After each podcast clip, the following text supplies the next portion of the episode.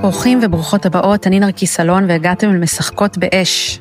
במשך הרבה מאוד זמן אני חיכיתי וחשבתי על מה הולכת להיות העונה השלישית של משחקות באש.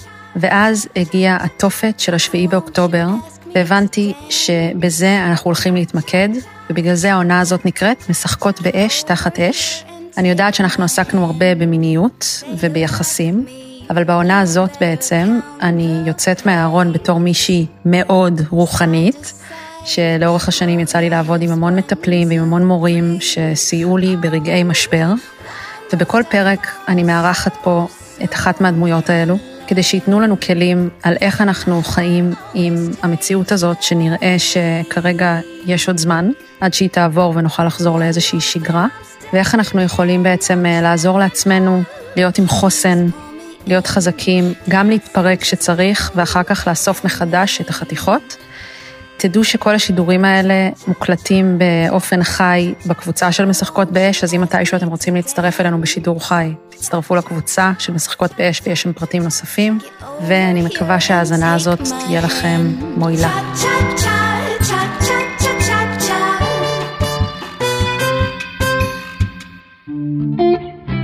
פודקאסט משחקות באש ובחסות הספר אישה חיה, סיפור אישי על גילוי המיניות, ריפוי היחסים בין גברים ונשים, והנשיות והתשוקה, וכן, אני נותנת חסות לעצמי, כי אם אין אני לי, מי לי. אז אה, אנחנו ביחד עם אה, כל עם ישראל עכשיו במתח ברגעים אלו, ואנחנו שולחות תפילות שהכל יעבור בשלום עם אה, עסקת החטופים וש... 13 הישראלים אה, התאחדו הערב, הלילה עם המשפחות שלהם, אמן. אנחנו אה, כחלק מהשגרה של משחקות באש תחת אש, אני הזמנתי את נורית אלדר, שעוד רגע היא תציג את עצמה, אבל אני רק אגיד שהספר שלה, מכתבים מהעולם הבא, אה, היה נקודת מפנה משמעותית בדרך שלי ושל עוד הרבה מאוד אנשים, הספר הוא לגמרי רב מכר. ו... ובעצם אני הזמנתי את נורית שנדבר על מה שנקרא העולם שמעבר, נבין רגע מהו, איך הוא יכול לעזור לנו בתקופה כל כך שברירית, אבל אה, לפני זה נורית, אה, רציתי לבקש ממך שתציגי את עצמך, ככה אני מבקשת מכולם. אז אה, שמי נורית אלדר, והיום אני עוסקת בלימוד, בהכוונה של אנשים, בלימוד של העולם שמעבר, בין אם זה תקשור ובין אם זה חיבור לנשמה, וכשאני חושבת על זה אני אומרת איך התגלגלתי לדבר הזה, כי אני הבן אדם הכי רציונלי בעולם, אני בוגרת הטכניון, מתמטיקה פיזיקה, יש לי תואר שני בטיפול, כאילו באמת לא הייתי קשורה לעולם הזה, אבל uh, בתואר השני שלי, תוך כדי ציור אינטואיטיבי בתרפיה ואומנות, נפתח לי שם משהו ומשם זה הלך והתפתח, ודווקא בגלל שאני כל כך הגיונית וכל כך רציונלית, אני לא יכולה להתעלם מהעולם הזה, יש שם עושר גדול מאוד, יש שם המון חוכמה, כאילו אותי מעניין שנחיה פה טוב יותר ונבין טוב יותר מה אנחנו עושים פה ואני מוצאת המון תשובות שם, בגלל זה אני כל כך מחוברת. אז תכף נבין מה זה אומר שם ומה זה העולם שמעבר, אבל לפני זה, למה את מתכוונת שאת אומרת שנפתח לך כשלמדת? אה, זה, זה היה ככה, היום אני מסתכלת על זה כמשעשע ואז זה שיגע אותי. אני התחלתי לדעת דברים על אנשים, אנשים היו שמים עבודות בתרפיה ואומנות על הרצפה ויכולתי פתאום לספר דברים והם היו אומרים לי איפה את רואה את זה? כאילו כי אחרים לא רואים, אני לא יודעת, אני יודעת, אני רואה. חשבתי שאני רואה דברים דרך תרפיה ואומנות ובגלל זה זה לא הפחיד אותי. לקח לי כמה שנים עד שהבנתי שזה איזושהי יכולת לקרוא אנשים, תקשור, אה, ככה משהו מעבר, ואז כבר הייתי בתוכו. אחרת הייתי בורחת מזה, אני די בטוחה. אה, וזהו, והיכולת שלי לדעת, להבין אנשים, להבין מי הם, אה, יש בה הרבה קסם. אז אז עם כל הספק, והיה לי המון ספק בדרך, אה, גם לא יכולתי לעזוב את זה, זה היה איזשהו ריקוד שככה לאט לאט התפתחתי איתו. וואו, אז מה זה באמת? מה זה אומר העולם שמעבר? האמת שזה הגדרה, קוראים לזה ככה, אבל אין עולם, אין עולם שמעבר. אחד הדברים שאני יודעת, אנחנו עולם אחד, ממש עולם אחד, אבל אנחנו עולם של רוח ועולם של חומר, במובן הזה שאנחנו חיים, העולם הפיזי הוא אחד, קיים רק עולם פיזי אחד ואנחנו חיים בו, אנחנו נשמה בתוך גוף, אה, ובעצם אני קוראת לזה העולם שמעבר כי הם מעבר לחומר, לא מעניין אותם החומר, והם רק ברוח או רק, רק אנרגטיים בעצם, אבל הם לגמרי נמצאים ונוכחים ויש חוקיות דומה בין העולמות, אנחנו כולנו היינו גם כמובן מן הסתם לפני שירדנו לגלגול הזה, היינו במצב, של, במצב האנרגטי, אין עולם בינינו לבין הירח שהוא העולם שמעבר, בעצם העולם שמעבר זה, נקרא לזה היקום, החל מכאן ועד, אבל הוא מעבר לראייה הרגילה, מעבר לשמיעה הרגילה, מעבר לחושים הרגילים, ולכן הוא העולם שמעבר. כשאת אומרת להם לא אכפת מחומר, מי זה הם? אה, נשמות, מדריכים, מלאכים, כל מי ששייך, יש, יש לזה המון שמות, אבל כל מי שלא חי בעולם חומר, לא מעניין אותו חומר. אבל רגע, אוקיי, את אומרת יש עולם, יש יקום, יש את כל מה שיש, זה עולם, זה בסוף עולם אחד, אנחנו לא מפרידים. נכון. ופשוט יש אותנו שאנחנו חיים פה בחומר. ובנוסף יש, יש, יש מה? יש נשמות, אנחנו נשמות. מה זה אומר נשמה? אני בכוונה שואלת אותך את הכל כדי ש... נשמה זו, נקרא לזה אנרגיית הבריאה, אנרגיית האלוהות, הניצוץ האלוהי, זה בעצם, אה, אני שאלתי הרבה פעמים, שאלתי בלב כמובן, זה, ככה זה עובד, אה, מה זה, מה זה, למה יש את הגלגולים האלה?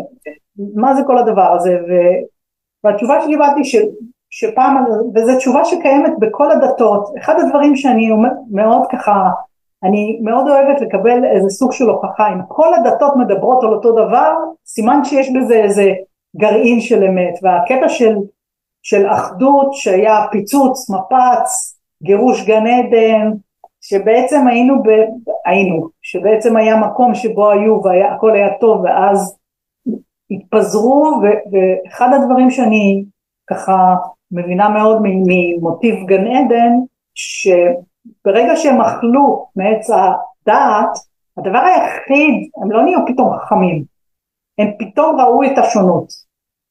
וזה המפתח לכל הגלגולים השונות.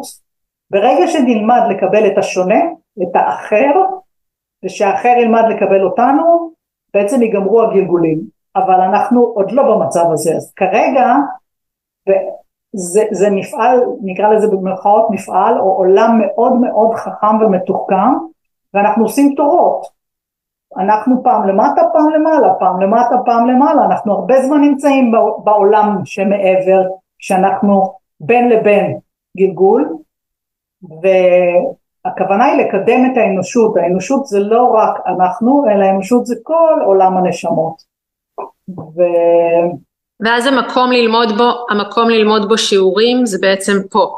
נכון, המקום ללמוד, להתפתח, לאסוף את המידע, אה, להבין, ופה, פה זה המעבדה, פה אנחנו אוספים את הכל, למעלה הם מאבדים, הם מבינים, הם מנתחים, הם, הם מתפתחים כן, אבל הכל, על, הכל תיאורטי. לא, אבל אין עוד עולמות שאפשר ללכת עליהם? זה לא רק כדור הארץ, זה רק כדור הארץ?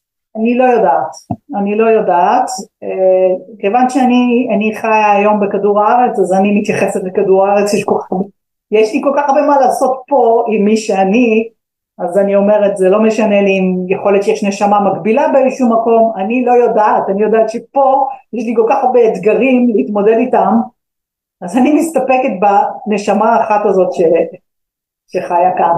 את מכירה שיש אנשים שאומרים זה הגלגול האחרון שלי, זה הזה, נשמה עתיקה, לא נשמה עתיקה, מה את. חושבת על כל הדברים האלה?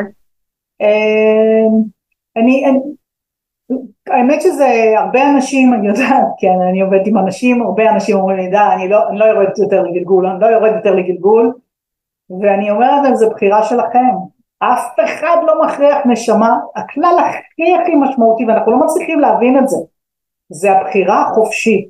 הבחירה החופשית, אבל באמת זה מקודש.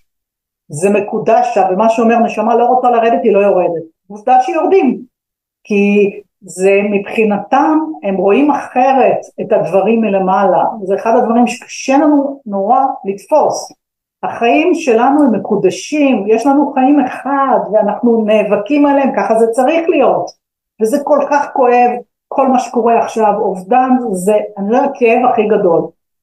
אבל למעלה כשהם יודעים שהם יורדים ועולים ויורדים ועולים והם בעצם אני אקרא לזה במרכאות רואים אותנו, מרגישים אותנו, יודעים מה קורה איתנו מלמעלה, האובדן להם זה לא כמו לנו. ו, ובעצם התהליך הזה הוא, הוא אחר לגמרי בשבילנו. אנחנו גם לא תמיד מחוברים לנשמה, אנחנו, אנחנו והנשמות זה לא אותו דבר, הרבה אנשים אומרים אני, אני זה הנשמה שלי, אה, הנשמה היא האנרגיה, אנרגיה, הניצוץ האלוהי שבתוכנו, או האנרגיה גבוהה נקרא לזה ככה, והתפקיד שלה הוא בעצם לאסוף את כל המידע, כי מי שעולה למעלה זה לא החלק הפיזי, זה הנשמה, הנשמה עם התודעה, עם ההבנה, ולכן הנשמה לומדת אותנו ואוספת את המידע, אבל, והיא זאת שעולה. לנו יש אינטראקציה, עכשיו אני לומדת uh, טניה שזה התורה של החסידות ומדברים שם על הנפש האלוה, האלוהית והנפש, ה, על נפש ונשמה ואיך שמתארים את מערכת יחסים בין הנפש והנשמה זה בדיוק כמו הנשמה ואנחנו אז שוב אני, אני מקבלת חיזוקים לכל מה שאני יודעת ממקורות שהם עוד, עוד אנשים חכמים בעולם ראו את הדברים האלה. אז בעצם אני, אנחנו שאנחנו נמצאים פה, ובעיקר עכשיו שקורה לנו משהו כל כך דרמטי ו, וטרגי, למה, איך זה חשוב לדעתך במצב כזה עכשיו? אה, אני חושבת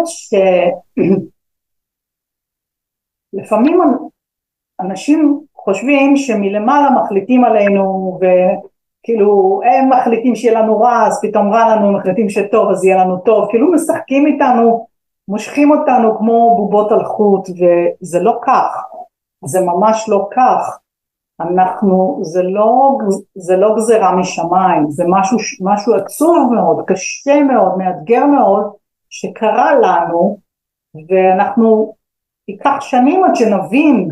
עכשיו זה, זה, זה משהו שהוא קורה ברמה עולמית, שהוא קורה ברמה מדינית אה, של עם ישראל, כל עם ישראל, גם, גם הישראלים, גם יהודים שגרים במקומות אחרים, גם הם חשופים לכל מה שקורה, וגם כמובן לכל אחד באופן אישי. אנחנו לא עוברים את אותו שיעור, כל אחד חווה את זה אחרת. מה המטרה, זה לא שמישהו שם לו מטרה, אה, אני אביא לכם עכשיו בומבה ונראה איך אתם מתמודדים, זה, זה, זה משהו שכל מה שהיה לפני, כל השנים האחרונות, זה משהו שהוביל את זה לדבר הזה ויש לנו בזה חלק, אז ההבנה היא שאנחנו יכולים לשנות ואנחנו יכולים להשפיע ואנחנו יכולים להתקדם, אנחנו לא חסרי אונים, אנחנו לא יכולים לשלוט בדברים אה, אבל אנחנו יכולים מאוד מאוד להשפיע. לי באופן אישי זה עושה מאוד טוב, לדעת ש... למה, מה זאת אומרת אנחנו יכולים להשפיע? מה זאת אומרת אנחנו יכולים להשפיע? אה, הנתיב, הרבה פעמים אומרים יש לי מסלול חיים שאני אמורה ללכת, זה לא נכון, אין לנו מסלול אחד, יש המון אופציות בתוך המסלול. אז איך, מה ניקח, מה יקרה מכאן? האם אנחנו נתפתח? האם אנחנו נתקדם? מה אנחנו נעשה? אה, ככה אני אספר שבאה אליי אימא של מישהי שנהרגה במסיבה, אה, אני מרגישה, לפעמים אני מרגישה נשמות מהצד השני והיא באה ככה לשמוע, אז לדבר, והיא אמרה, היא אמרה שהיא יצאה עם, עם החלטה שהיא הולכת לחיות. זאת אומרת, במצב הכי נורא הזה של, של לאבד ילדה שהיא כל כך כל כך אהבה, יש אפשרות לחיות ולדחוף ולהנציח ולעשות, ויש אפשרות גם לא. אז היא, אני ממש מתרגש, התרגשתי ואני נורא שמחה, היא, היא יצאה עם החלטה שהיא הולכת להתחבר לרוח של הבת שלה ולמה שהבת שלה רצתה או רוצה ממנה כנשמה, כן.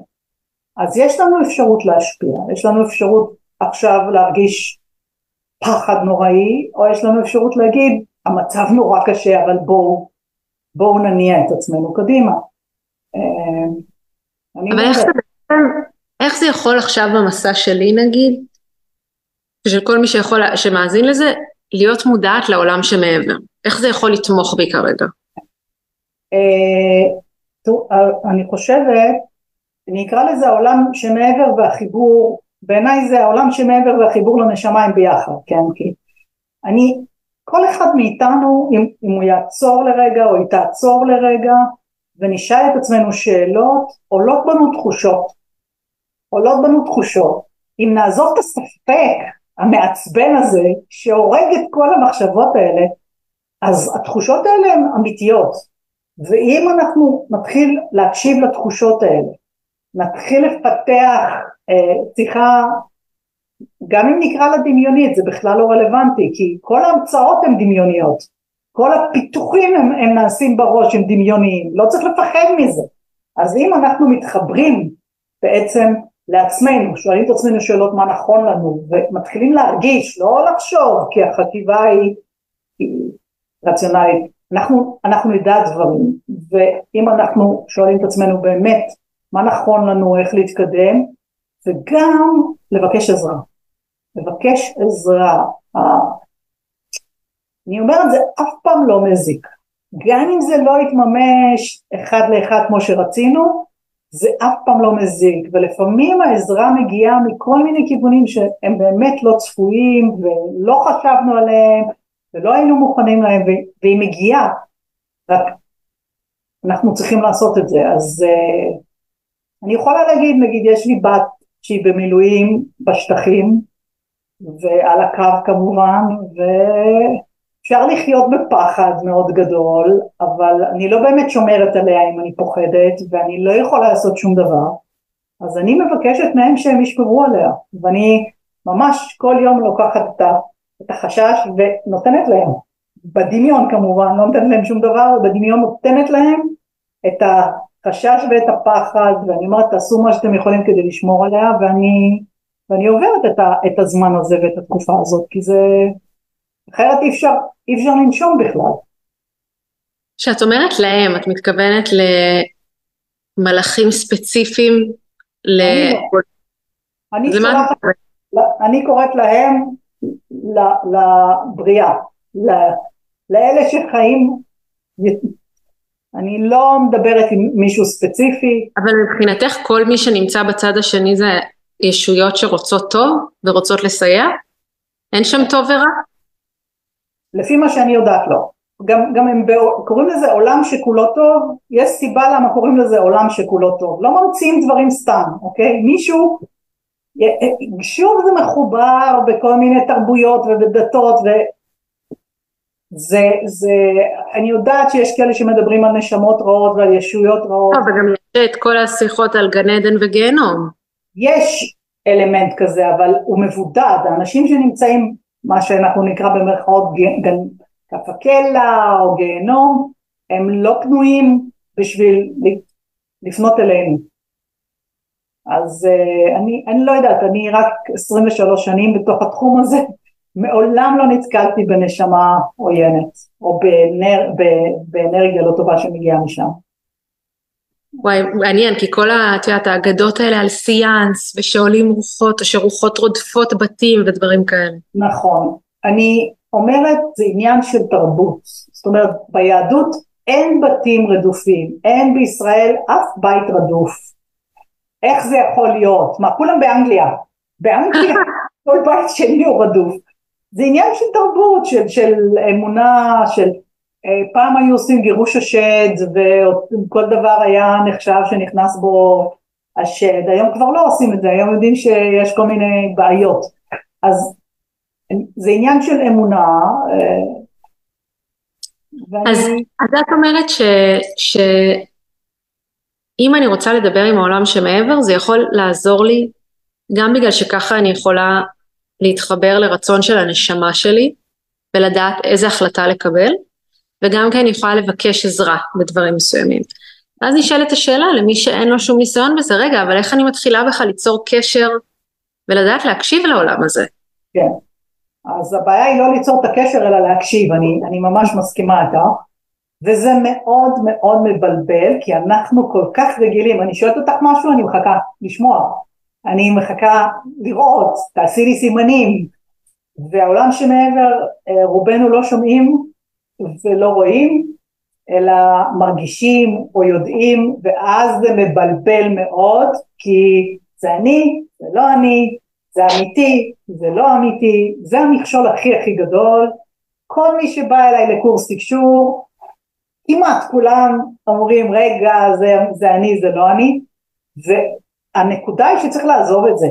צריך לעזוב את זה. צריך להגיד לא, לא יודעים אם זה אני או לא אני. לא יודעת אבל אני אשאל ואני אשים לב מה, מה עולה בי ומה מה מרגישים ומה זה אומר.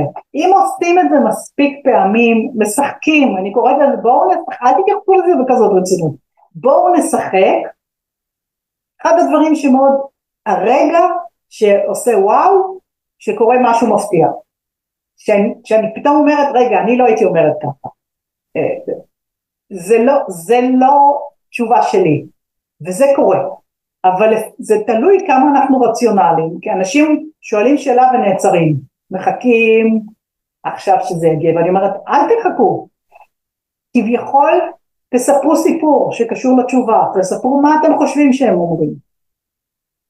עוד פעם ועוד פעם ועוד פעם ועוד פעם, אה, אני אומרת לאנשים, בגלל זה אני פיתחתי קלפים נגיד שאפשר להיעזר בהם, אבל הרעיון הוא כמה שיותר להתרגל, לשאול ולהרגיש, במקום לשאול ולחשוב, כי החשיבה היא רציונלית ומאוד, גם אם זה נראה לנו שאנחנו חושבים, נותנים לדברים לקפוץ בראש, זה בסדר, אבל לשאול ולהרגיש.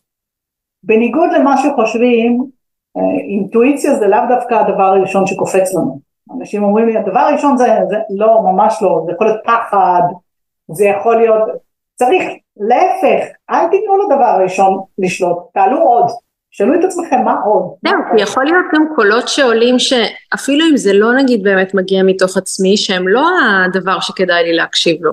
נכון. נכון. יכול להיות, זה כמו שמישהו פעם, אה, מישהו פעם אמר לי את המשפט, זה שמישהו מת לא הופך אותו לחכם. נכון. זאת אומרת, את יכולה לשמוע גם, גם אם את כן מאמינה בזה ואת שומעת ישויות, זה לא אומר שמה שהן אומרות זה אמן. אה, יש שם איזשהו מנגנון למעלה, אנחנו לא נוכל להיכנס לכל זה, שהם אומרים את מה ש... מה ש... הם יודעים מי את, והם אומרים את הדברים שאמורים להיות נכונים לך, אבל זה תמיד ייעוץ בלבד, כי הזכות הבחירה וההחלטה היא שלנו, מאוד שלנו, זאת אומרת, כל אלה שאומרים, את צריכה ללכת ולעשות כך וכך וכך, זה לא, אני, זה לא העולם שאני מדברת עליו. כי הם לא נותנים לנו שום הוראות, הם נותנים לנו הכוונה, יש הבדל בין הכוונה לבין הוראות. כן. תגידי נכון לך ככה, נכון לך לא ככה. אבל לנו יש זכות בחירה לגמרי להגיד לא, לא, לא רוצים, או לא בא לי, או לא מתאים לי. אז את אומרת שבן אדם רוצה נגיד לקבל מידע, אז הוא יכול לשאול שאלה, ואז הוא כמו כזה רגע עוצר, מתרוקן באיזושהי צורה, ופשוט מקשיב, ולנסות עוד ועוד ועוד. ואם אני רוצה לבקש בקשה, לבקש עזרה, אותו דבר? אותו דבר. אני, הנקודה היא שלפעמים יש השעיה, אני מבקשת ואני לא מרגישה שקורה כלום, אז אנשים אומרים לא, לא, מקולקל, הפטנט מקולקל, לא עובד. ואני אומרת לא, לפעמים אחרי יומיים אני אראה שינוי, לפעמים פתאום אחרי שבועיים. אחד הדברים שאני מאוד אוהבת זה סימנים. סימנים, אני משחקת עם היקום בסימני דרך. ומה זה, זה לא נוצה או פרפר, כשנוצה ופרפר זה, זה אנשים הרבה, או 11, 11, זה בהחלט גם יכול להיות סימן, אבל סימן זה כל דבר שקורה במרחב שלנו שהוא קופץ לנו. זאת אומרת זה יכול להיות פתאום מכונית סופרת וזה יכול להיות כלב נובח וזה יכול להיות אני שמה לב, אם, אם אני מדברת ופתאום משתעלת, אני אומרת, מה אמרתי? אם אני לא משתעלת בדרך כלל, מה אמרתי עכשיו שפתאום אני משתעלת? והיו לי דברים מדהימים, מדהימים, מדהימים, ובגלל שזה פיזי, אני אתן דוגמה, כן, שהספר שלי, זה שדיברת עליו, מכתבים מהעולם הבא יצא, אז הייתי בהוצאה באזור, ולאזור יש איזה חמש כניסות, ותמיד הייתי מתבלבלת בכניסה, ואז פניתי לאילן שהוא הנשמה שתקשרתי איתה, ואמרתי לו תן לי סימן, איפה הרמזור? ואז אני מרימה, כן, אני מרימה את הראש ועל הצומת בפנייה כתוב על הבניין בענק אילן. וואו. באנגלית, שוקינג מה שנקרא, עכשיו זה כתוב היה לפני זה, זה אני בטוחה שזה קיים. אבל לא שמת כן. לא ראיתי את זה, אבל הטיימינג וזה, ומאז כמובן כל פעם חיפשתי את האילן הזה ופניתי, וזה שזה אילן, ואילן, וואו, זה היה, עכשיו... מה, ככה את פונה אליהם בכאלה שאלות שגרתיות? אני פונה אליהם בשאלות הכי, הכי, הכי שגרתיות. אני, אני, אני כל, אני כל היום מדברת איתם. אני כל, מה אכפת לי, לא יעבוד. כל הזמן מבקשת סימנים. אני רוצה לעשות קורס מסוים, תגידו לי, אה, אה, אם לעשות אותו, תנו לי סימן, כדאי, לא כדאי, נכון, לא, לא תמיד אני מקבלת, כי לפעמים זה, זה, זה הדרך שלי והשיעור שלי, אבל, אבל הרבה פעמים אני כן, אני מקבלת ואני מקבלת סימנים וכן, אה, אני רוצה, רוצה לעשות איזשהו קורס על, על חיבור לנשמה, ואמרתי כן לעשות, לא לעשות אותו, ואז באותו יום שמעתי יש איזה פרסומת על, על לשמור על הנפש שלנו בטלוויזיה ובאותו יום כל פעם שפתחתי ערוץ לא משנה איזה ערוץ הייתה פרסומת תשמרו על הנפש שלכם וכו' אמרתי אוקיי בפעם החמישית אמרתי הבנתי מאז אני לא ראיתי אותה אף פעם אני לא יודעת אם היא קיימת או לא קיימת אבל לא ראיתי אותה אוקיי? אז זה שבוע שעבר אני מדברת. לא אבל רגע איזה תשובה אז הבנת מזה לגבי מה את צריכה לעשות היא צריכה, שאנשים צריכים עזרה בלהבין את המשמעות של הנפש ואת החיבור לנשמה. כן. אבל אמ, כשאת, את, כאילו, את מדברת על לקבל החלטות ואז את שואלת אותם, אבל יש גם את המקום של את פשוט עוצמת עיניים ורגע מקשיבה לפי הבטן. יש גם את ה... להקשיב לאינטואיציה שלנו. מה זה הבטן שלך? מי אמר שהבטן שלך זה לא החיבור הזה שאני מדברת עליו? אם יש לך בטן טובה, מה שנקרא, אם את רגילה להקשיב לבטן, זה בדיוק זה. Uh, הם לא מדברים באוזניים, זה מגיע לי לבטן, זה מגיע לי ל- ללב, זה מגיע לי לאיזה ידיעה. התחושות בטן זה בדיוק מה שאני מדברת עליו. זה בדיוק לעצור ולשים לב, בכל מקרה אנחנו מחליטים. אני גם אומרת להיגיון שלי, תן לי רגע לשחק, אחר כך אתה תשפוט. אם משהו לא נראה לי הגיוני, או אם אני לא מרגישה שקיבלתי תשובה, אני לא עושה את הדברים על סמך, אה, הם אמרו לי על הנפש, אני אבקש עוד סימן, ועוד סימן, עד שבסוף אני, אני מתחילה להרגיש אם זה בטוח. אני חופרת להם, בקיצור, וגם לבטן, כן. יש אה, כזה דבר לדעתך, מהניסיון שלך, מלאכים שומרים, כאילו שהם מצוותים לאנשים ספציפיים? כן, כן, אבל לכולם יש מלאכים מצוותים, זאת אומרת זה בהחלט. אה, אנחנו כיוון שאנחנו השליחים, זה נשמע מאוד מוזר, אבל עולם הנשמות צריך אותנו. כי מי שעושה את ההתנסות, מישהו, אנחנו עושים את העבודה הקשה, אנחנו, אנחנו העובדים של המעבדה, אנחנו העובדים של, ה, של החיים, החיים האלה מאתגרים. אז יש כן הגנה, שמירה, עזרה מלמעלה, אבל צריך להבין שגם בחרנו שיעורים ובחרנו התנסויות, אז ניתן לך דוגמה, כן?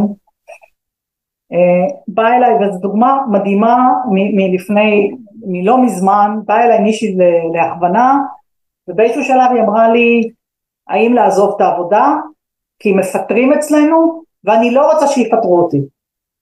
עכשיו אני לא נוהגת להגיד עתיד, אני מאמינה שהעתיד לא, הוא פתוח, אבל היא דיברה ממש עכשיו האם לעזוב, שאלתי, אמרו לי לא, שלא תעזוב.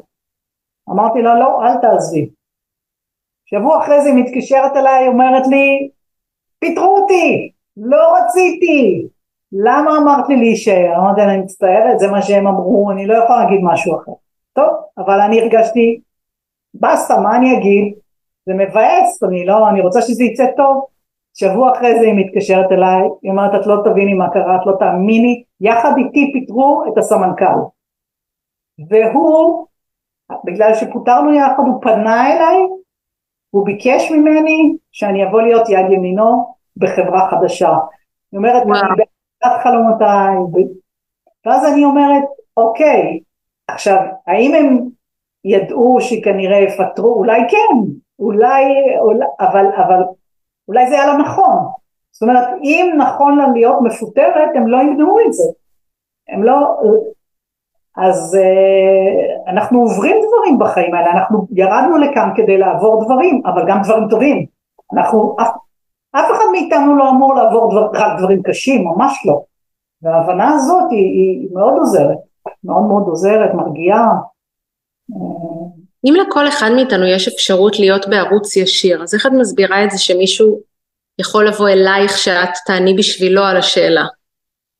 אה, זה עבודה קשה, זה עבודה קשה להתרגל, העבודה הקשה היא להתרגל לשאול את הבטן ולתת לה ולהקשיב לתחושות. צריך לעצור, בתור מישהי שעברה את זה, כן? זה היה לי כל כך לא פשוט, כי אני רגילה, כל החיים שלי הייתי חכמה, אני רגילה, יאללה, בואי. ופתאום, רגע, לעצור ולתת, וזה לא ברור, וזה נכון, וזה לא נכון, וזה לא תמיד מדויק, ומה, אני אסמוך על זה? ברגע שמתמידים, זה עובד נהדר. אני הכי הייתי רוצה שאף אחד לא יצטרך אותי. אם את תשאלי אותי, הייתי רוצה שכולנו נהיה מחוברים, מאוד מאוד הייתי רוצה, אבל זה לא קורה. חוץ מזה שלפעמים כשיש ספק זה נורא כיף שיש מישהו שהוא משקף דברים ויודע להגיד דברים ואז הבחירה היא, אני אף פעם לא אומרת לאנשים, אני משאירה להם תמיד את הבחירה, אני מראה להם אופציות. אז אה, אבל כן, החיבור הזה הוא, הוא אני חושבת שזה זה כמו ווייז. היום כבר לא נוהגים בלי ווייז, אבל נהגנו פעם בלי ווייז. אבל זה כל כך עושה את החיים הרבה יותר קלים, כך גם בעיניי החיבור הזה, הוא עושה את החיים יותר קלים, יותר פשוטים, מבינים דברים אחרת, מבינים אנשים אחרת. למה מבינים אנשים אחרת? כי אני חושבת שברגע שאת מתחברת את יותר מבינה את האנושיות, יותר מבינה כמה אנחנו באמת, אה, ההבדל, ההבדל הגדול בין העולמות הכי גדול זה שפה יש לנו רגשות ולמעלה יש להם רגשות אבל רק happily ever after, יש להם רק רגשות טובים, כאילו, יש להם שמחה או נגיד לפעמים, אני זוכרת ש, שהם מדברים לפעמים במילה גאווה, אבל אני אומרת אבל אין לכם גאווה, אבל הם אומרים אני לא אשתמש במילה גאווה לא תביני על מה אנחנו מדברים, אבל אין להם גאווה, אצלם באמת הכל שקוף, אין להם פיזיות, אז הם רואים אחד את השני, מבינים, רואים את הלב ומבינים מה חושבים, אנחנו לא, ולנו יש רגשות, והרגשות זה, זה פחד ושמחה וקוש... ונורא כיף להגיד תתגברו על פחד, אבל זה לא פשוט בכלל. נכון. אז כל העולם הזה שלנו, של עולם הרגשות, אני חושבת שזה ההבדל הכי גדול, והם מבינים אותו. הם, הם, אחד הדברים שאני אומרת לאנשים זה שאין נתיב, אין, לא מקבלים עונש, אין, אין עונש מלמעלה. גם אם אני לא עושה משהו, גם אם אני יודעת שאני צריכה, אני מרגישה בבטן שנכון לי, לא יודעת מה, אם אני בקורסים, נכון לי לעשות קורס מסוים, ואני פוחדת ואני לא מצליחה לעשות אותו, למעלה הם מבינים את זה הכי טוב. הם מבינים אותנו, הם בחמלה אלינו, הם, הם בכלל לא, אין כעס מלמעלה, גם לא אלה שעזבו את העולם, הם לא כועסים. אז זה עובד אחרת, העולם שלנו. אה, יש כאלה למעלה שלא עזבו את העולם, שהם פשוט למעלה ולא ירדו אף פעם? אה, יש כאלה שלא ירדו אף פעם, זה נשמות, זה לא יודעת איך זה נשמות, ישויות, שהתפקיד שלהם הוא אחר, הוא גבוה. אני חושבת, אני לא יודעת. ואלה לא שעזבו, את יודעת, יש עכשיו, זו תקופה ש...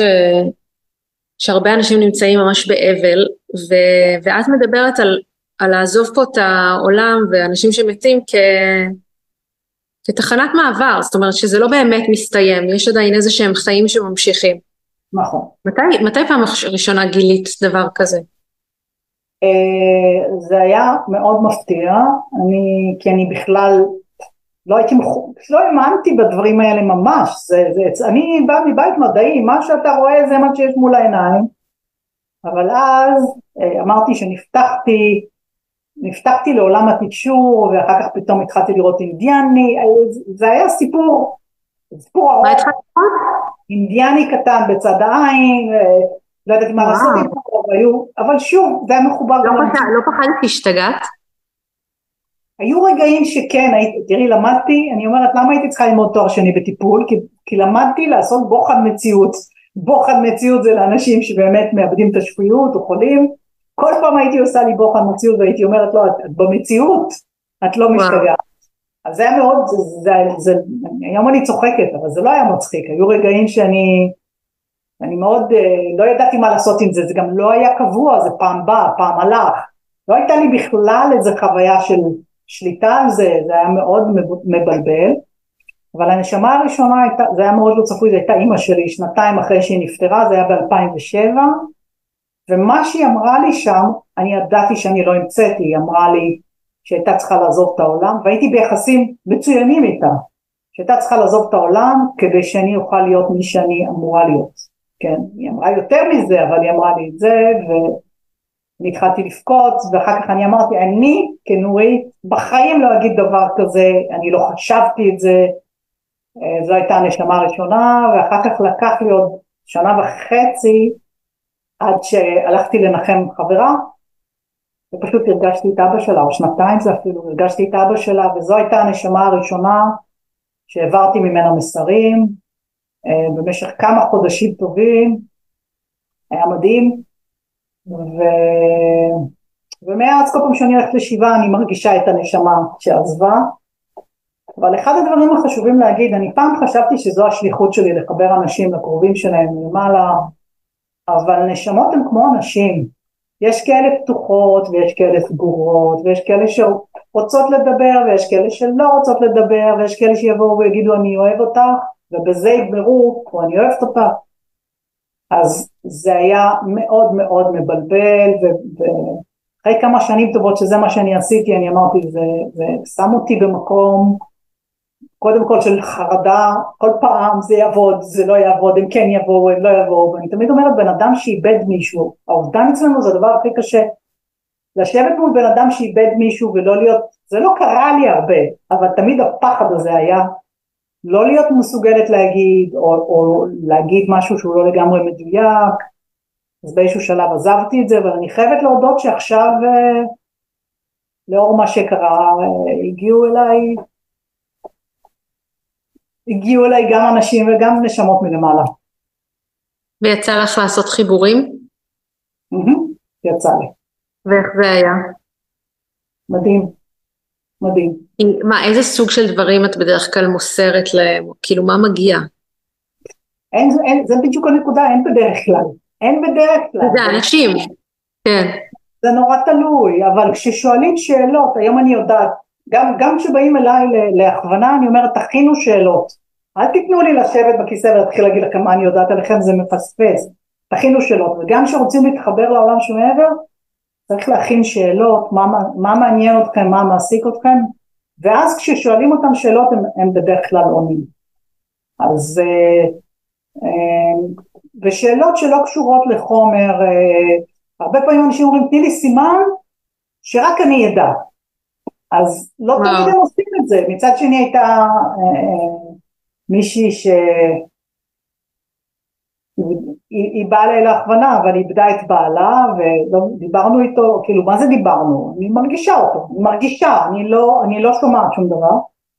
ובסוף ראיתי אותו, את יודעת, עושה כזה קפיצה הצידה, את מכירה עם שתי הרגליים כזה שסוגר, כן. אז אני אומרת לה, תשמעי איזה קטע, ראיתי אותו קופץ הצידה כזה, מין. אז היא אומרת לי, את זה הוא עשה בחתונה, יש לנו תמונה שלו קופץ, והיא אומרת, קיבלתי עכשיו זמן אה, כן, זה היה באמת מאוד מאוד מרגש. אז לפעמים יש כאלה רגעים, ולפעמים כן. זה פחות. היו, היו כאלה שרצו לדעת, להיעזר בך במקרים של השבועות האחרונים, להבין אם הקרוב שלהם הוא בחיים או לא? אה, הם לא, אבל אני לפני שלושה חודשים השתתפתי במחקר, במחקר על, על תקשור באוניברסיטת חיפה, ושמו לי קסדה כזה של EEG של, שמודד את הגלים של המוח, ובעצם תקשרתי עם הקסדה, והיא מאוד התרשמה ממני. אמרתי לה, אני לא מתקשרת את אלה שעזבו, תביאי מישהי אני אתקשר לה, וכמובן שהיא סיפרה לי על חבר שלה שבדיוק נפטר, וכמובן שהוא הגיע, וכמובן שזה היה עליו. ושוב, אחד הדברים שאותי מאוד מחזקים זה כשיש לי עדים. כשקורה משהו ואנשים מולי ואנשים חווים את זה איתי, אני יודעת שאני לא ממציאה את זה, אני יודעת שזה אמיתי, אני יודעת, ואצלה זה היה מוקלט והיא, והיא שמעה את זה, והיו שם דברים שאני לא יכולה להגיד אחרי זה אולי נדמה לך, כן. את יודעת, אה, אני אין לי אישור אה, סופי שזה קורה, למרות ששמעתי מכמה אנשים, ואני יודעת בוודאות שעושים את זה, ב, כאילו כן יצא לי לשמוע שעושים את זה בצבאות ומקומות אחרים, אבל שמעתי שצה"ל עובד גם עם אה, מתקשרים בשביל, את יודעת את זה? כן, זה מה שרציתי להגיד, שפנו אליי, אבל אני, זה לא הצד החזק שלי. זה לא הצד החזק שלי, מה זה לא הצד, אני לא סומכת. פנו אלייך מצה"ל לא. בשביל בצורה עקיפה, אני לא יודעת, אני לא יודעת כמה מותר לדבר או מה מותר לדבר, אה, לאיתור אה, אני פחות יודעת לעשות את הדברים האלה כי אני, פה אני לא סומכת על עצמי, אני, אני נלחצת, אני, אני לא יודעת אם כן. זה אמיתי, אם זה לא, אני אמרתי שאני לא רוצה, כן. וואו, אבל כן, אני יודעת שכבר שנים מדברים על זה שבארצות הברית כל מיני יחידות מיוחדות עבדו עם כל מיני יכולות כאלה, אז מן הסתם הגיוני שגם בישראל מנסים הכל. הנקודה היא שבגלל שזה תדר, אוקיי, אין מישהו באמת שלוחץ לי, לי בעול, בגלל שזה תדר זה אה, לא תמיד מדויק. ואחרת זה היה ידוע, אחרת היו מכריזים וזה היה קיים, ו... אה, האמת שגם רפואה זה לא מדע מדויק וכמעט ועריכת דין זה לא מדויק אבל מתקשור מצפים שזה יהיה בול אז אה, אבל זה לא עובד ככה אה, אז זה בהחלט עוזר אני חושבת שככלי עזר זה מעולה זה מדהים. את חושבת אז שכל בן אדם מסוגל? כן אני חושבת שכל בן אדם תראי אני אשאל אותך כל בן אדם מסוגל לשיר? יש כאלה שיותר יפה ויש כאלה שפחות יפה זה הנקודה, יש כאלה שיותר יפה ויש כאלה שפחות. גם מי ששר פחות יפה, אם הוא נורא ירצה וילך ללמוד פיתוח קול, הוא יעלה את הרמה שלו, אז לא כולם באמת יהיו וויטני יוסטון, כי כנראה שיש אחת. אה, לא כולם, האלה שהם באמת באמת מאוד מאוד מוכשרים, הם בודדים, אבל אני כבר יכולה להגיד, כן, אני מלמדת תקשור, אה, בוא נאמר שמונה וחצי שנים, כל מי שלא נשבר, כי, כי באים לקורס של, של חודש ואומרים מה, אבל אני לא יוצא מתקשר? לא. אתה, אתה מבין את התיאוריה, עכשיו צריך להתחיל לתרגל. בדיוק כמו שאת אמרת, לעצור ולהקשיב, לעצור ולהקשיב, לשאול, ולא מבינים, וצריך לפענח, וצריך לשאול עוד. כל מי שעושה את זה כן. אני יכולה להגיד לך כן. סליחה, מה אמרת שאת יכולה להגיד שמה? כל אלה, אני, אני רואה אותם, איך הם מתפתחים, אני רואה איך הם איך הם גדלים, אני רואה את זה, זה נורא כיף להיות בחברה כזאת של אנשים שנפתחים. אצלי זה מאוד מגיעים דברים בחלומות, זה אצלי וגם אה, אם אני, מז... אם אני רוקדת, כאילו דברים שבהם אני מזיזה את הגוף. מה, בעצם, בעצם חלומות זה מגיע לכולם, אבל אם יש לך את היכולת בחלומות, יש לך את היכולת במצ... גם, גם במציאות, פשוט בחלומות אנחנו משחררים את הספק, אין לנו, אין לנו את המודע בחלום ואז יותר קל לנו ללכת עם זה, ללכת עם זה עד הסוף, אבל אני חושבת, אחד הדברים שמאוד עוזרים להתחבר זה דווקא כשאנחנו עושים משהו אחר. תנועה, בישול, ניקוי הבית, טיול עם הכלב, אה, הליכה לאורך הים, נהיגה, אה, שם ה mind עסוק במשהו ואז התודעה משתחררת. ולהרבה אנשים אומרים מקלחת, אה, אנשים אומרים שבזמנים האלה הם פתאום עולים להם דברים, יש חלק שלוקחים את זה ומפתחים, ויש חלק שאומרים... כי זה, כי ככה, כי, כי המוח, השכל וההיגיון נחים, אז זה כן. מאפשר, כאילו מפנה מקום. הם עסוקים בדבר שהוא מונוטוני, את לא, בזמן שאת חושבת משהו שהוא לא מונוטוני זה קשה, אבל בזמן שאת חותך את העגבנייה, זה... כן, אז, אז אתה נפתח, ממש מעניין. כן. תגידי, את רוצה שננסה לעשות רגע ניסיון live בפרק, שאני אשאל אותך שאלה? נראה. אולי, אולי יבוא, אולי תבוא, אולי לא תבוא. אמ, אז אני לפני כמה חודשים נחשפתי לסבתא של סבתא שלי, אה, קראו לה פועה רקובסקי, ושמעתי עליה כבר כמה שנים לפני, אבל לא מאז שהייתי ילדה, שזה מוזר. ממש מוזר שלא סיפרו לי עליה הרבה בבית, כי בעצם הייתה אישה שהסיפור שלה מאוד קשור בסיפור שלי, כאילו בלי שידעתי עליה, מאוד השפיעה על הדרך שלי. היא הייתה מהפמיניסטיות הראשונות בעולם, היא הייתה מחנכת יהודייה בולטת בפולין, ולפני כמה חודשים פתאום הרגשתי שאני חייבת לקרוא את הספר שלה. ידעתי שיש לה ספר, ולא היה קל להשיג אותו. הלכתי לספרייה הלאומית, ו... והצלחנו להשיג, יש אה, עותק אחד או שניים, וזהו, אין יותר, את יודעת, היא נפטרה לפני כמעט 70 שנה. וקראתי את הספר שלה, וזה היה לפני שהתחילה המלחמה. עכשיו, את יודעת, היא הייתה חיה במציאות שהעולם היה במלחמה, רדפו יהודים, ו...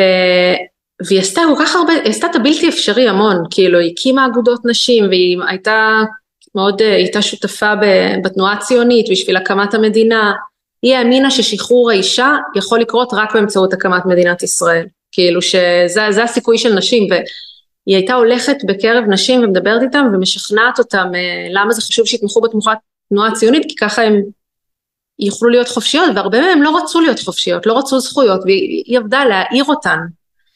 וגם הקימה בתי יתומים ועשתה הרבה דברים וחוותה הרבה קשיים, הרבה קשיים, כאילו איבדה ילדה, אה, נכד, כאילו, את יודעת, זה היה חיים קשים. ו... וכשקראתי את הספר שלה, כי זה ספר כזה שאת יודעת, ביבליוגרפיה, כזה מספרת על עצמה. דבר ראשון מאוד התרגשתי, גם אה, את יודעת, היא, היא קיבלה, היא התגרשה, זה היה להתגרש אז, זה כמו שאני לא יכולה להסביר כמה זה היה קיצוני להתגרש, כאילו היא הייתה מאוד כזה עומדת על שאלה וזה, והרגשתי כזה וואי, היא, אני ממש מרגישה מחוברת אליה, הרגשתי ממש ממש מחוברת אליה, ו, ולשושלת וזה, ו, וכשקראתי את הספר שלה הרגשתי וואי, אני רוצה להוציא את הספר שלה, אני רוצה להוציא אותו מחדש, כאילו. ואז התחילה המלחמה, עכשיו פתאום כשהתחילה המלחמה אמרתי וואו זה ממש מזכיר לי את התקופה שהיא הייתה חיה בה כל כך קיצוני. מה שקורה עכשיו שהדבר היחיד שאני מרגישה מחוברת אליו זה מה שהיא עברה.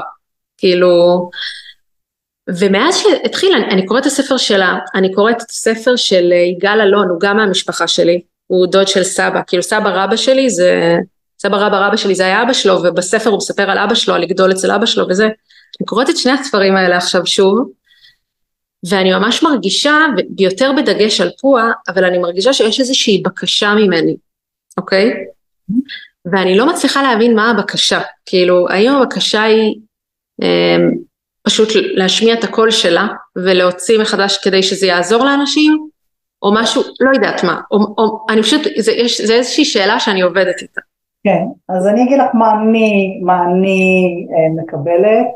אה, כן, אני לא מאמינה במקריות, משהו התעורר בך לנושא הזה, אה, ואין, להוציא את הספר שלה, אה, זה, זה, היא חיה בזמן אחר, היא מדברת, השיח שלה הוא נורא, נורא משימתי, היא מאוד מאוד משימתית, היא, גם השפה שם, אני, אני מרגישה את האנרגיה, השפה היא מאוד אה, עשית כאילו אז, אז היא פחות היא, היא פחות נגישה ואני חושבת שהבקשה ממך זה לתרגם את זה. לתרגם את יכולה להביא קטעים ממנה ולהבין איך את מבינה. בעצם אני חושבת שאם היא הייתה חיה היום לא בטוח שהיא הייתה מדברת רק על פמיניזם. כי היום יש תשמיע את קולך. אני חושבת שהשליחות שלך בעולם זה לעזור לאנשים להשמיע את קולם, אה, להעיז ללכת בדרך שלהם, אני לא יודעת איך נקרא. לא משנה, לא משנה אם זה גבר או אישה. לא משנה אם זה גבר או אישה. יש, יש, כמובן שזה הרבה יותר קשה אצל נשים, אבל אני חושבת שאנחנו אנחנו כבר מתחילות לעשות דרך וכבר יש הרבה גברים שסובלים מזה, כן? אם, אם הייתה מהפכה נשית לטובתנו לא נגמרה, כן, עוד יש לנו המון מה לעשות, עוד יש אפליה, אבל הגברים איבדו המון מהמקום שלהם. ואני חושבת שה... אז, אז אפשר ללכת על נשים, אבל לאו דווקא המקום שלך, כמו שאני מרגישה, זה את בן אדם מאוד, את יודעת לשלב בין העולמות, את בן אדם מאוד רגשי. את בן אדם רגשי, את יודעת להסביר את הרגשות, את יודעת להתחבר לרגשות, את יודעת לקחת את הרגשות למקום פרקטי. אצלה היא הייתה אה, אה, אה, פחד, אז, אז מה אם את פוחדת? זה לא משנה בכלל, לכי בה, זה לא עובד, זה לא עובד להרבה בני אדם. אז אני חושבת שאת יכולה, את מתרגמת אותה בלי להרגיש בכלל, את מתרגשת ממנה כי את, את שמה את זה במילים שלך, את שמה את זה בחוויה שלך, וזה עושה הבדל מאוד מאוד גדול. אמ, כי באמת היא, היא הייתה לוחמת, היא הייתה נחושה, היא עברה דברים נורא קשים, היא לא הרשתה לעצמה לעצור ולכאוב והייתה מיד עוד משימה וצריך לעשות עוד דברים ו, ו, אמ, והיא באמת, היא, היא הצליחה לסחוף אחריה אבל הייתה מאוד משכנעת, פחות, אני חושבת שהיא פחות אה, התחברו אליה רגשית, אלא יותר לרעיון, היא הייתה מאוד מאוד חכמה. אבל אצלך זה אמור לבוא עם רגש. את מלכת הרגשות, אם אני אקרא לזה ככה, את יודעת mm. לעבוד, לא מכירה, זה רק ממה שאני מעניין. לא, לא באמת מכירות, כן, חוץ מ... כן. אה, אז, אז המקום שלך הוא כן, כן להביא את זה. אה, למשל היא, היא גם לא דמות שהיא תגיד כל הכבוד, נהדר, זה, זה לא, היא לא הנשמה הזאת, היא, אם את תשאלי אותה משהו ענייני היא תענה לך, היא תיתן לך אה, לעשות ככה, לעשות ככה, אבל היא לא, מבחינתה לעצור ולהתרגש זה, זה משאב יקר מדי, תעצרי ותעשי משהו.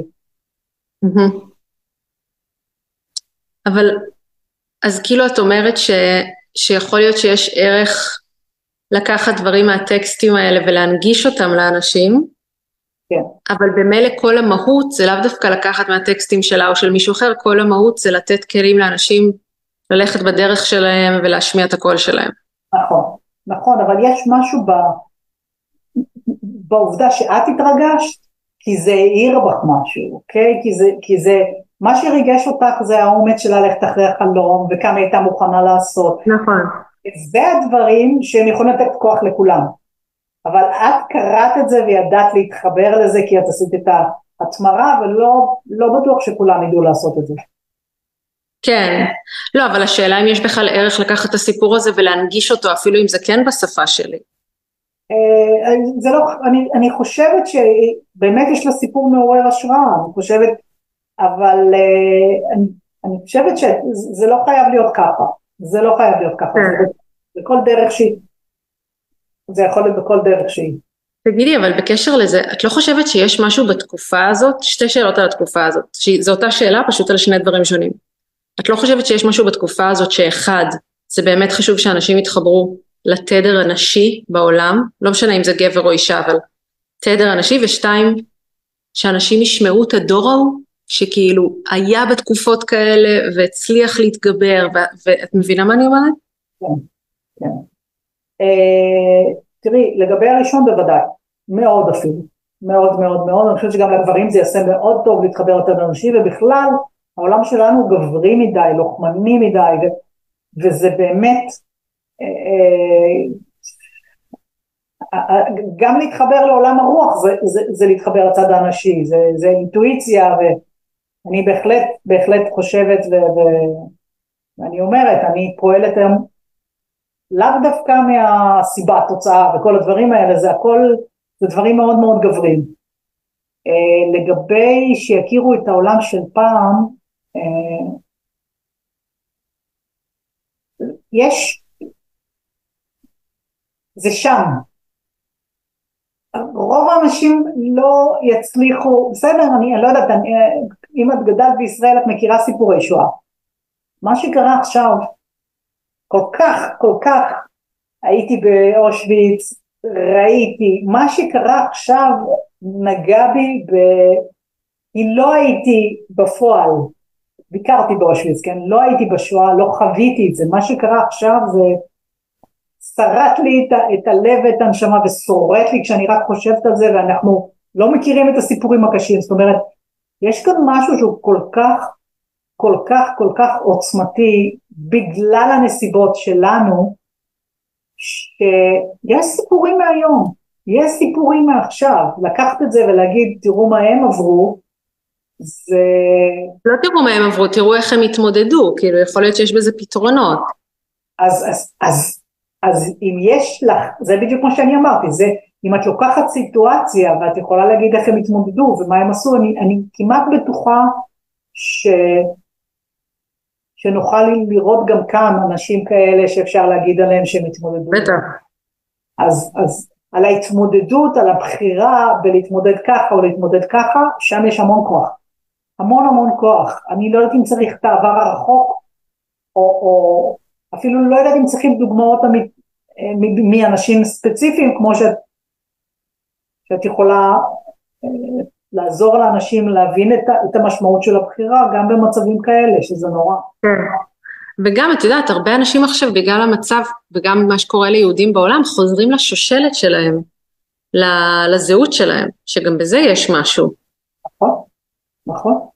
ושוב, זה מה שאמרתי, אנחנו לא מבינים, אי אפשר בנקודה הזאת להבין, לראות את התמונה הגדולה, זה אחד הדברים שתמיד, תמיד הרגיזו אותי, שאמרו לי, את לא יכולה לראות את התמונה הגדולה, אני רוצה לראות, תסבירו לי, את לא יכולה, כי, כי כי את הולכת בדרך, את לא יכולה.